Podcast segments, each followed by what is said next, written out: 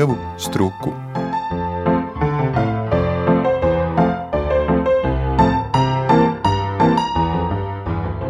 Šodien mana viesņa šņurbēniņos ir Inga Tropa Fišera, kura, es teiktu, ir uzskrējusi uz šņurbēniņiem. Man prieks tevi redzēt. Sveika, Inga! Sveiki, man ir prieks te būt. Man ir jautājums, protams, jo centos radīt intrigu, no kurienes tu tā skrēji. Un kas ir tas, ko tu šai dīvainajā sezonā šobrīd mēģini? Es pati šobrīd gatavojos kādam mēģinājumu procesam, kurš es ceru, ka šajā mainīgajā laikā tik tiešām arī notiks. Bet es šobrīd kā aktieris jaunajā Rīgas teātrī mums ir Maskava Gailīšu varenais iestudējums Ulda Tīrona režijā. Nu, interesanti mums ir ik mirkli mēģināt gan viņa kā filozofa domu gaitu notvert un izprast, un tad, eh, protams, ka mēs netiekam viņam līdzi, un tad eh, dažkārt viņš cenšas mums pastāstīt, un dažkārt viņš saka, vienkārši tā vajag, tad mēs arī ļaujamies. Vai kā tev šķiet, filozofs uz um, nu, jāsauc lietas īstajos vārdos, uz nepārtrauktu alkohola reibumu stāvokli skatās citādāk nekā, teiksim, mākslinieks vai uh, citu nozaru pārstāvji, jeb tas ir tāds tomēr vienojošs skatiens? Es domāju, ka jā, jo Mēs par to arī, protams, sākot šo mēģinājumu procesu vēl zumā, runājām, kā nu būs un ko mēs ar to darīsim. Un Nūds pateica tādu frāzi: cilvēks ir kaut kas vairāk nekā tikai bioloģisks mehānisms. Un līdz ar to arī tieši tā mēs arī kopēji kolektīvi šo visu skatāmies, un arī viss šis dzeršanas stāvoklis. Mēs jau autora savukārt vārdiem runājot, visi esam ierēbuši, kurš lielākā mērā, kurš mazākā mērā. Jā, es diezgan daudz sāku domāt par to ierēpšanu, arī par šiem citiem stāvokļiem. Tā ir mana absolūta interpretācija, ka šis pats galvenais varonis ir pats autors, ir sava veida mesija. Lai gan viņš ļoti kautrīgi jo viņš negrib būt priekšplānā nekādā gadījumā. Viņš ļoti kautrīgi pauž tās bet arī reizē ļoti pārliecinoši savas idejas, un viņš tiek iecelts tajā mesijas stāvoklī. Un mums savukārt, ziemā lasot, tad sākās aizvien vairāk aktīva visa šī situācija ar Navaļniju. Es, bet tas bija mans tāds domu process. Es diezgan daudz domāju par šiem agrāku laiku un mūsu laiku mesijām. Un, un tiem mesijām, kas maigi un kautrīgi, un tiem mesijām, kas varbūt jau apzinoties varas mehānismus, kā viņi darbojas, un tad vai nu viņi gudri sāk ar tiem arī pat riskējot spēlēties, lai panāktu kaut ko.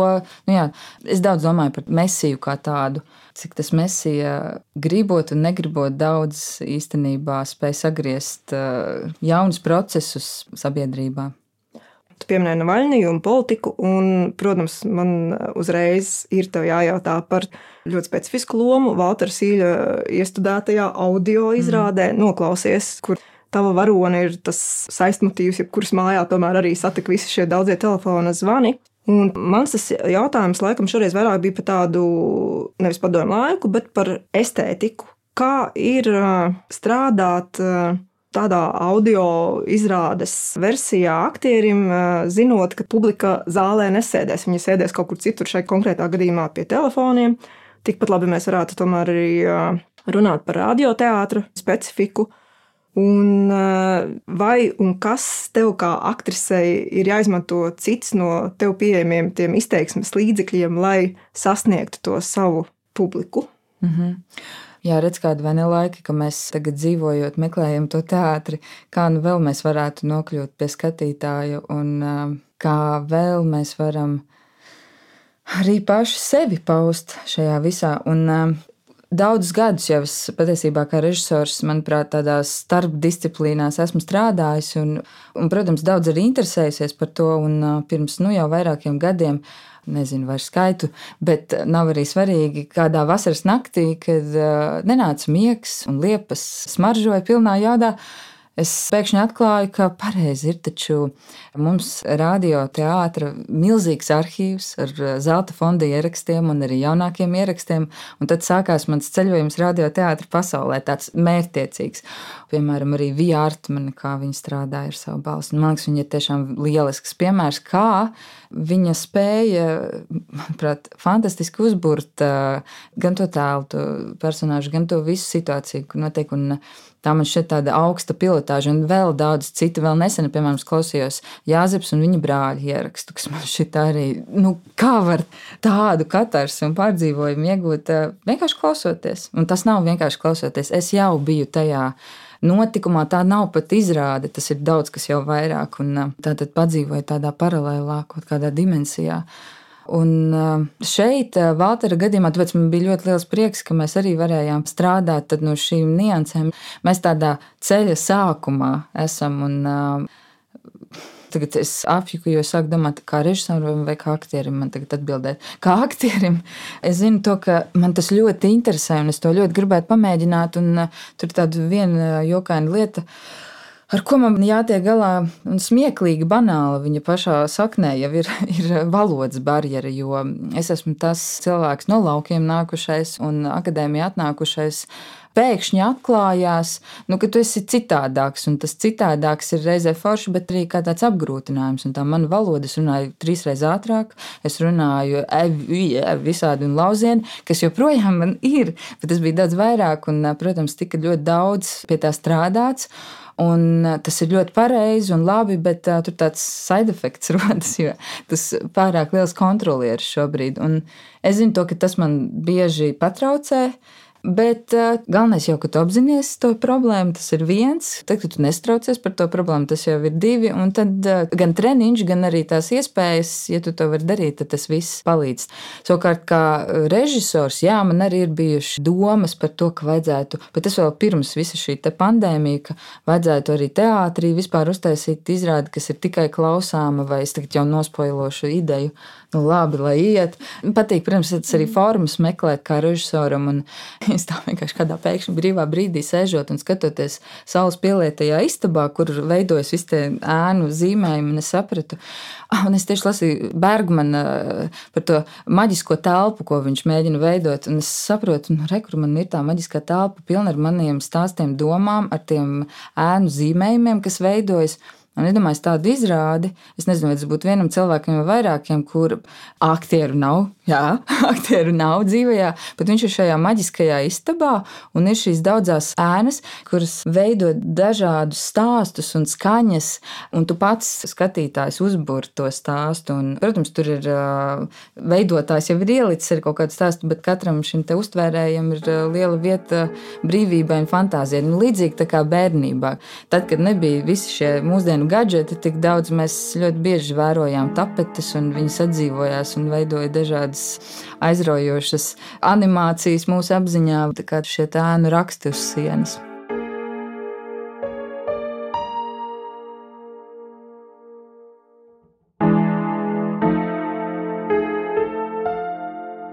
Lūk, te mēs tiekam līdz režisētajām izrādēm. Protams, man nu, abrīna raiz, ka tu vienas sezonas laikā, tad, kad cilvēki vēl nāca uz teātri, izveidoja kā režisore lielajā zālē divas tomēr ļoti apjomīgas un labas izrādes, kas tika arī novērtētas gan Nacionālajā teātrī Alisa Brīnumzemē, gan Aspazīs Zelša Līgava. Un tas mans jautājums ir tieši par šīm tehnoloģijām. Abi tie darbi ir tapuši laikā, kad nekādu tehnoloģiju nebija bija cilvēka fantāzija, bija nu, arī pietiekami, tomēr uzrīkstos teikt, arī mītiska pasaules uztvere, par ko es varbūt tālāk gribu jautāt. Bet kā tu kā režisori pieņem lēmumu, kā lai ar šiem senajiem tekstiem runātu šodien, šodienas publikai? Alises gadījumā droši vien vienkāršāk, jo stāsts ir par bērniem, kuriem tās tehnoloģijas ir ikdiena. Mm. Bet Zelkša Līgavas gadījumā šis jautājums varbūt ir ļoti pamatots. Kā tu pieņēmi lēmumu abās šajās izrādēs tomēr izmantot nu, maksimumu, ko Latvijā var no tehnoloģijām dažādām?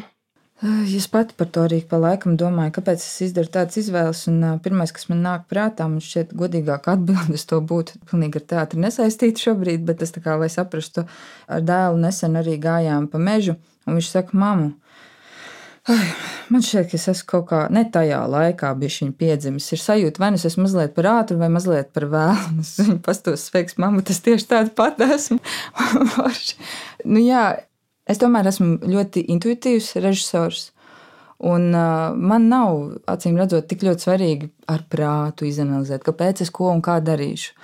Es sekošu tai intuīcijai, tām vīzijām, bildītēm, vienalga, kā mēs viņus nosauksim, Un uh, esmu pamanījis, ka manā gadījumā ir ļoti vēlams viņām uzticēties un sekot. Pat ja es līdz galam visu sākotnēji nesaprotu tā pilnā aina, tas pilnais spektrs parādīsies tikai varbūt beigās. Un dažkārt pat ir bijis tā, es nezinu, varbūt citiem kolēģiem tā nav, bet man katrā ziņā tā ir, ka paiet vēl kaut kādu laiku un saprot, ah, jā, tur tā vēl kaut kā tā bija tas iekodēts.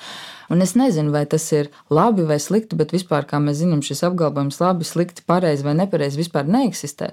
Līdz ar to es esmu šis intuitīvais mākslinieks, kuram ir ļoti svarīgi provocēt sevi tādu nu, apzinātu, radošu stāvokli procesu, kurā tātad šī mana intuīcija pēc iespējas veiksmīgāk var manifestēties, un lai es pēc iespējas jūtīgāk to uztvertu, un tad eh, tālāk jau tā gudri menedžēt, kā to visu izdarīt tā, lai tas, kas man ir ir šīs pildītas vīzijas atsūtītas, lai viņas varētu pēc iespējas tuvāk tam redzētajam pārvērst šajā realitātē.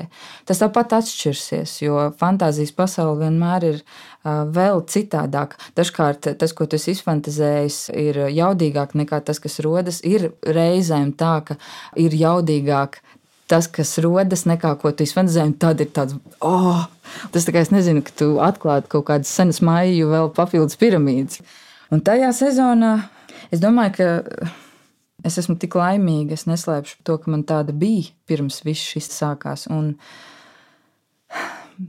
nu, bez ilūzijām skatoties, mana intuīcija, cik es spēju viņai ieskatīties, saka, ka vēl ilgi nebūs tā, kā bija. Arī vispār nebūs tā, kā bija. Tas laiks ir, tas laiks ir beidzies, mums šausmīgi sāpīgi un grūti to atzīt, bet tā tas ir būs citādāk. Un mēs vēl mācīsimies apgūt, kā citādāk, bet eh, tajā aizgājušajā laikā es priecājos, ka es piedzīvoju kaut ko tādu. Man nekad nav. Arī atklāšu vienu lietu par sevi. Man nav bijušas tādas īstenībā ambīcijas, ka man noteikti tas ir jāizdara. Jo es zinu, ka ir kolēģi, kuri ļoti mērķiecīgi iet uz tādām lietām. Man tas notika ar mani. Nu, tas ir tādu mazu, daudzu lietu summējums. Es ļoti daudz uh, ieguldījos. Nu, gan tie daudzie darbi, ko tu pirms tam dari, gan kaut vai elementāri režīms, kādu tu sev veidoji, jo šīs divas lielās zāles, un bez tā jau bija vēl lieli aktieru darbi, un kurbats, kurš atkal Lucavas salā vēl pārveidots, tā tālāk tā sezona bija, nu, ja tā ņem, tās nebija 24 stundas, kurās es dzīvoju, tas jau bija 36 un vairāk. Bet, lai to lielo stieni paceltu, tev pirms tam ir bijis katru dienu, gadiem jāveic liels treniņš, soli pa solim. Tev sev ir jāspēj salikt tādā formā, lai tu to varētu izturēt pretēji. Jau pie piektā līkuma, jeb kāpiena, tu vienkārši salūstu. Nu, tādā ziņā, jā, es laikam biju ļoti labi trenējis. Tā forma bija uzaudzēta, kad es varēju to izdarīt. Un, un vēl par modernām tehnoloģijām Īstenībā man šķiet, ka man sen vajadzētu iet mācīties kino režiju, ka to es pat iespējams izjūtu vēl vairāk, bet tā teātris pasaule. Neskatoties to, ka es gribēju būt tas karsto garadarbības žurnālists, nonāca tajā teātris vidē, es viņu tik ļoti esmu iemīlējis. Viņa, protams, man ir arī kaut kā tā pat neievilinājusi. Tas ir, es mīlu šo vidi, es mīlu šos cilvēkus, man patīk te būt. Un to visu darot, eh, pat ja man šķiet, ka citreiz dzīvojot tās 3-6 stundās, nu, ir tās 24 stundas, un es nezinu, lai laiks iet, gan jau parādīs tos nākamos soļus un rīcības, ko tālāk darīt. Es ļoti gari atbildēju, piedod. Nē, es pat varētu tieši papildināt. Tādā nozīmē, ka tiešām man liekas, ka aspazija un tehnoloģijas tas gan iet, gan neiet kopā. Jo no otras puses viņa ārkārtīgi progresīva savulaik. Savam laikam, jā. Tik jaudīga sieviete, tam laikam moderna un drosmīga. Un tādā rakursā, protams. Bet līdz ar to man tas jautājums arī tiešām bija, kā tu līdz tam nonāci. Jo, teiksim, man pašai, kā skatoties, liekas, nu, labi, tu spēlēji, izrādē aspazīju personību, bet nu, tu tomēr nespēlēji aspazīju. Bet tu, protams, līdz ar to mm -hmm. biji spiesta par to domāt, interesēties. Jā. Tad es uh. prātoju, varbūt to ietekmēja kurbats. Tomēr tas pirmais uzdevums bija Limbažos, arī biju klāt, redzēju, un liekas, ka kaut kāda tā interese par mītu vai mitoloģisku Jā. un to saiknīti mēs līdz zelša līgavai ļoti viegli varam novilkt. Bet varbūt tev ietekmēja šis slavenais Leišu poetiskais darbs Egla Zalkša karaliene, kas man kā jā. nosaukums, piemēram, no jā, bērnības vienmēr ir fascinējis, kas, protams, ir nu, tieši radniecīgs, jā, Aspazīs darbam. Kā, kā tu nonāci līdz tam? Mēģināšu atsaukt atmiņā to laiku, kā tas viss pamazām tapa, gan tas periods pirms vispār es kā režisors aizēju līdz savai komandai, un tad jau tālāk ar komandas vēl veikumu līdz teātra mēģinājumiem. Tad kā, tomēr šo es uztvēru tādu sava veida mūsdienās rezonējošu lielu traģēdiju. Skaidrs, ka es arī skatījos dažādus piemērus, un man fascinēja kaut kādi vairāk darbi, kurus es tagad, protams, neatceros, bet es redzu tikai bildes kaut kādas, kur ļoti tieši tie aktieru darbi šajos tūplānos. Tūplāns man kā tāds, jo, piemēram, ir bijis taisot ļoti, ļoti interesē no tā laika, un arī pirms tam. Tas bija atspērienu punkts, bet tas nebija noteicošais. Un tad Man šķiet, tas izšķirošais mirklis bija tajā, kad jau ar savu radošo komandu domājot par šo zemūdens pasauli un tā tālāk, un skatoties arī vēstures liecības šīs te vienīgā pirms tam uh, uzveduma, kas Nacionālajā teātrī tapa fotografijas, mazliet atgādinot kaut kādu Ziemassvētku, nu, es nezinu, skolas laika lūdziņu. Un, uh, teiksim tā, jo ļoti konceptuāli arī tā izrāda bija, un lai tas nepārvērstos tādā banāli, smieklīgā, absurdā notikumā. Un saprotot to, ka tie resursi, kādi bija pieejami, nespēs pārliecināt nevienu, ne mūsu pašus, ne arī skatītājus, lai aizvestu tajā traģēdijas mērogā, tad to visu sasumējot kopā radās tāda ideja. Un, protams, mēs ilgi, un es arī pati, un pēc tam arī ar savu radošo komandu, mākslinieku Miķelu Fischeru un, un Annu Čīrs, komponistu un Elīnu Matvējevu, kā galveno kameras cilvēku, diskutējām, un, un, un sākotnēji bija viena cita versija. Mēs tiešām gribējām zem ūdens visus gremdēt, bet tas budžets tomēr patraucēja. Tad, kā jau teicu, pirms tam, kad tu dari kā režisors, ļoti bieži ir daudz kas jāpārmaina idejas ir brīnišķīgas, bet tehniski kaut ko sākot darīt, un tā atkal nav par pareizi vai nepareizi, slikti vai labi, bet vienkārši tās lietas sakrīt tā tiek lucīši, ka tu saproti, nē, šis vairs nestrādā, tur kaut kā jāpārstrādā. Un tā režisora laba spēja ir tāda nevis krist panikā un kāju cirst pret zemi. Nē, man vajag kaut gan viss jau brūk un jūk no tā, bet kā veikli salikt, ja ir citādāk tie klucīši, atkal to kombināciju, lai tā kopējā bilde sanāk. Un, tas arī bija gadījums, kur es sapratu, nu, ne, mēs nevarēsim to izdarīt, lai kā es tur esmu jau izfantazējusies un paši esam aizraujušies, nu nebūs. Un izmisīgi domājot, pat jau tā, ka tev jau vēmiens nāk. Nu, kā nāk mēģinājuma laiks, pirmizrāde ir nosprosta un tā tālāk, un tā spriedze nāk. Un, un tad, laikam, tajos spriedzes mirkļos notiek tāds tā kā īsavienojums, bet labā nozīmē. Tur... Un es atceros vienu mēģinājumu, kurš iesākās tā, es nezinu, varbūt Nevajag vispār to darbu, tas man skatās. Es tieši par to radošo komandas aktieru to nedzirdēju. Sievišķā mazliet vājībā savējiem. Nu, viņi tur beidz, un Evelīna Deģa bija tikko atbraukusi vēl no Vācijas. Viņa saka, kur tad es esmu atbraukusi, lai tagad tu man paziņot, ka nekas nenotiks.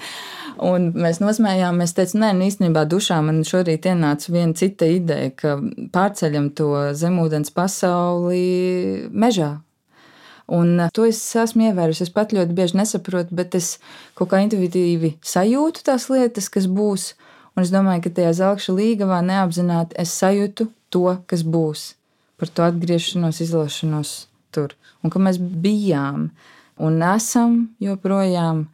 Skaidrs, ka tā visa ir arī ilūzija, kurā mēs dzīvojam, bet nu, cik apzināti mēs to saprotam un cik ļoti mēs spējam vai nespējam tomēr nonākt pie tām saknēm. Un atkal es atgriežos, cilvēks ir kaut kas vairāk nekā tikai bioloģiska mašīna, mehānisms tad es domāju, ka primāri kopēji man par to bija šis darbs. Un visu cieņu es ceru, ka Aspazīvs man nedusmojas, bet es arī sajūtu viņas svētību, ja tā var teikt. Viņa ļoti akceptēja šo ideju. Un arī tad, kad es pieņēmu šo lēmumu, pateicu komandai, komanda arī uzreiz acis iemirzējās, jā, daram to. Un tad viss arī aizgāja tālāk, tā kā, tā kā tam jānotiek.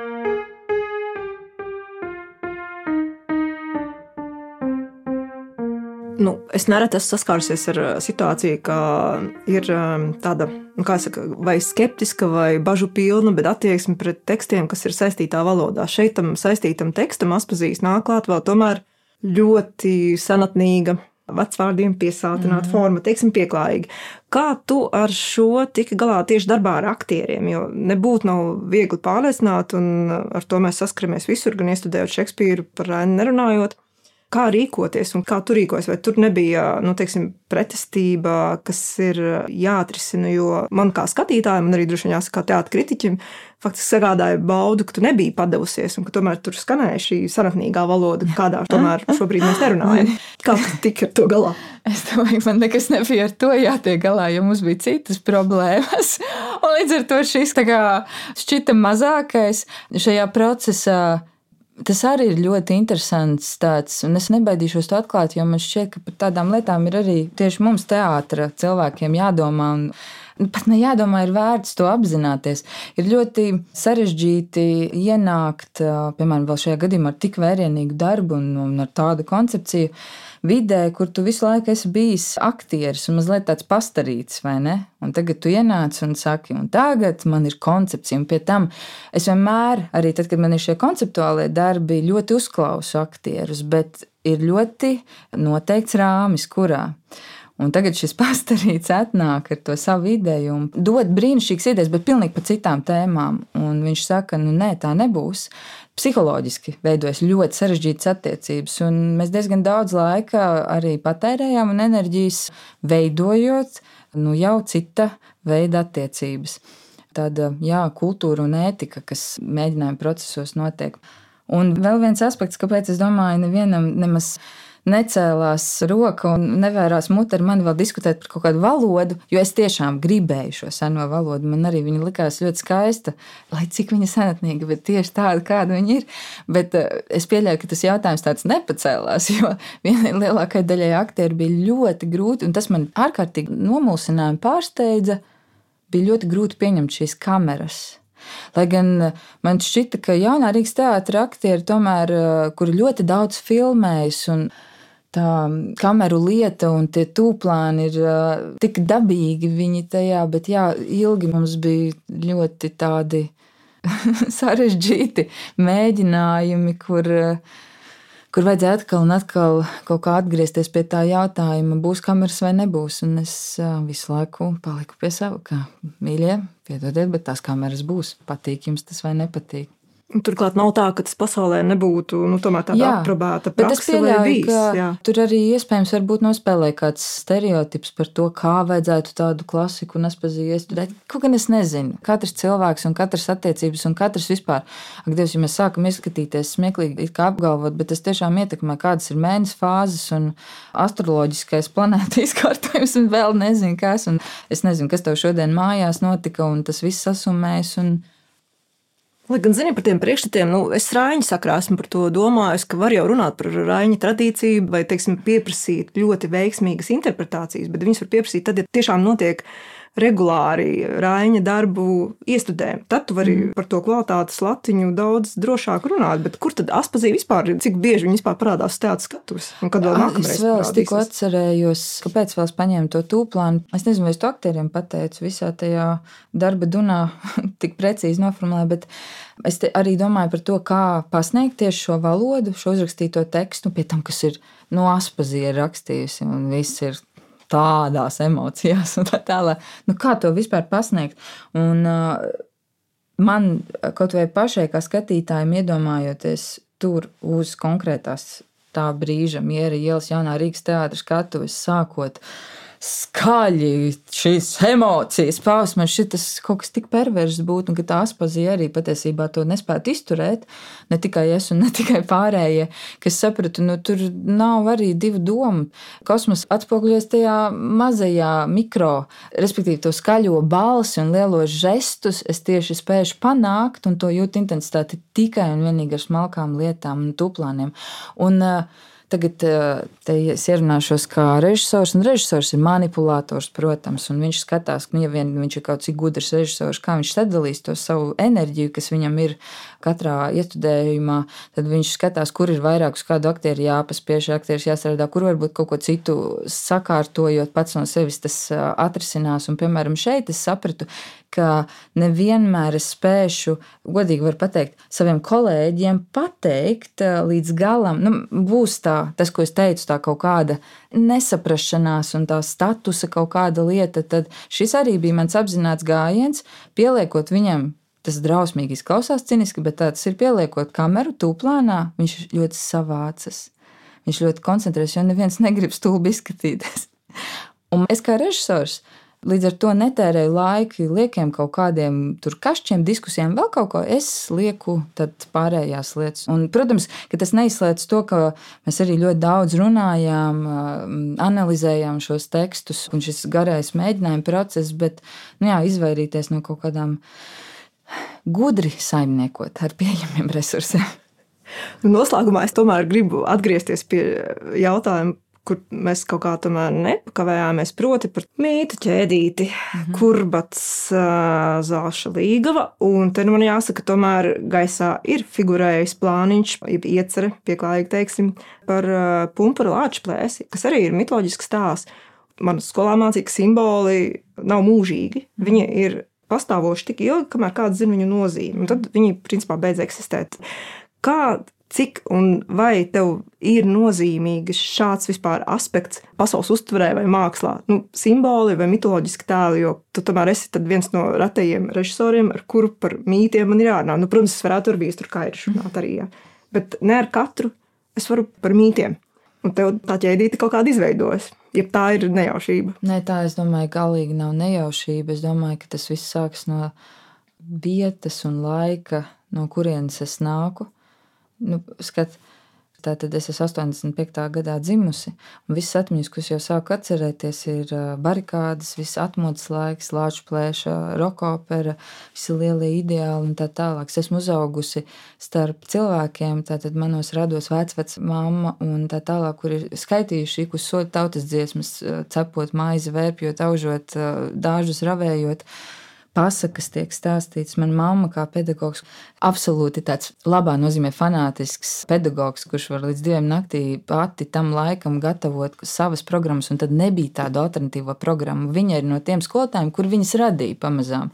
Jo es ar kaut ko aizrausies daru, un viņi ieskrien pēkšņi istabā un man sāk stāstīt, piemēram, par viņa veļiem kaut ko, ko viņa tur ir atklājusi, un tā tālāk. Un viss šī folklora, kur atkal varēja ļoti daudz informācija brīvi sākt atkal uh, cirkulēt, un, un pat ne cirkulēt, bet vienkārši cilvēkiem vēl pastiprinātāk tā interese.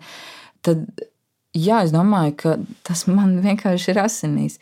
Un uh, man šķiet, ka ir ļoti svarīgi, ka mēs apzināmies tieši tā punkta, kuru šajā dzīvē esmu, šīs saknes, jo tas ir tas unikālais. Nu, kādos ceļojumos, kas arī aizbraucu, vienmēr taču interesē tās vietas, tie konkrētie raksti, tieši tie konkrētie šie saucamie supervaroņi un dažādi rituāli. Un, man šķiet, ka tas ir tikai adekvāti un normāli, ka tu sāc ar to, kas ir tas punkts, no kurienes tu esi nācis, bet es esmu ļoti daudz arī interesējusies, un man interesē, un pilni grāmatu plaukti ar, ar visādi veida citu tautu dažādiem mītiem, un, un antropoloģija man ārkārtīgi arī ir interesējusi, un tad, piemēram, pēkšņi tāda laime nonākt, aiziet, piemēram, uz Gunas antikvārijāta grāmatnīcu, un kaut ko es tur meklēju, un saku šai sievietei, ka man vajadzētu kaut ko tagad tādu, un viņa man palīdz tajās grāmatās, un tad tur atnāk eh, vēl cilvēki, cilvēki, kas izrādās antropologi un filozofi. Un tad mēs gandrīz nokavēju paņemt bērnu no skolas, jo mēs jau vairāk stundas aktīvi diskutējam par kaut kādām mums aktuālām tēmām. Jā, man patīk šī visa pasaule. Un lai cik bērnišķīgi tas būtu, bet uh, es esmu, es tā kā smējos, Lara Krofta Bet man nav mērķis izlaupīt nekādas nekāpnes, nekā, bet uh, man patīk tas akcents, ja? kā visādas šķēršļi un grūtības jāpārvar un kaut kur jālien, jālec, jāskrien. Nu, tā, tev ir tā vitalitāte, bet ir arī lielas algas pēc uh, zināšanām, un es domāju, tām zināšanām, kas jau ir cauri laikiem esošas, un, un uh, jā, es. Uh, Es pat negribētu iztēloties tādu pasauli, kur tas viss nebūtu. Inga, es esmu ļoti priecīga, ka Tu skrēji līdz nobeļņiem, un mēs noteikti tiksimies vēl kādreiz kādā garākā sarunā par šo tēmu. Paldies! Paldies! paldies.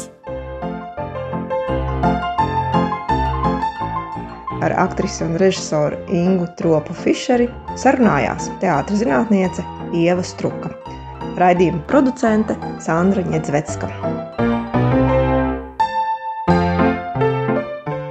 Šņurbēniņi par teātri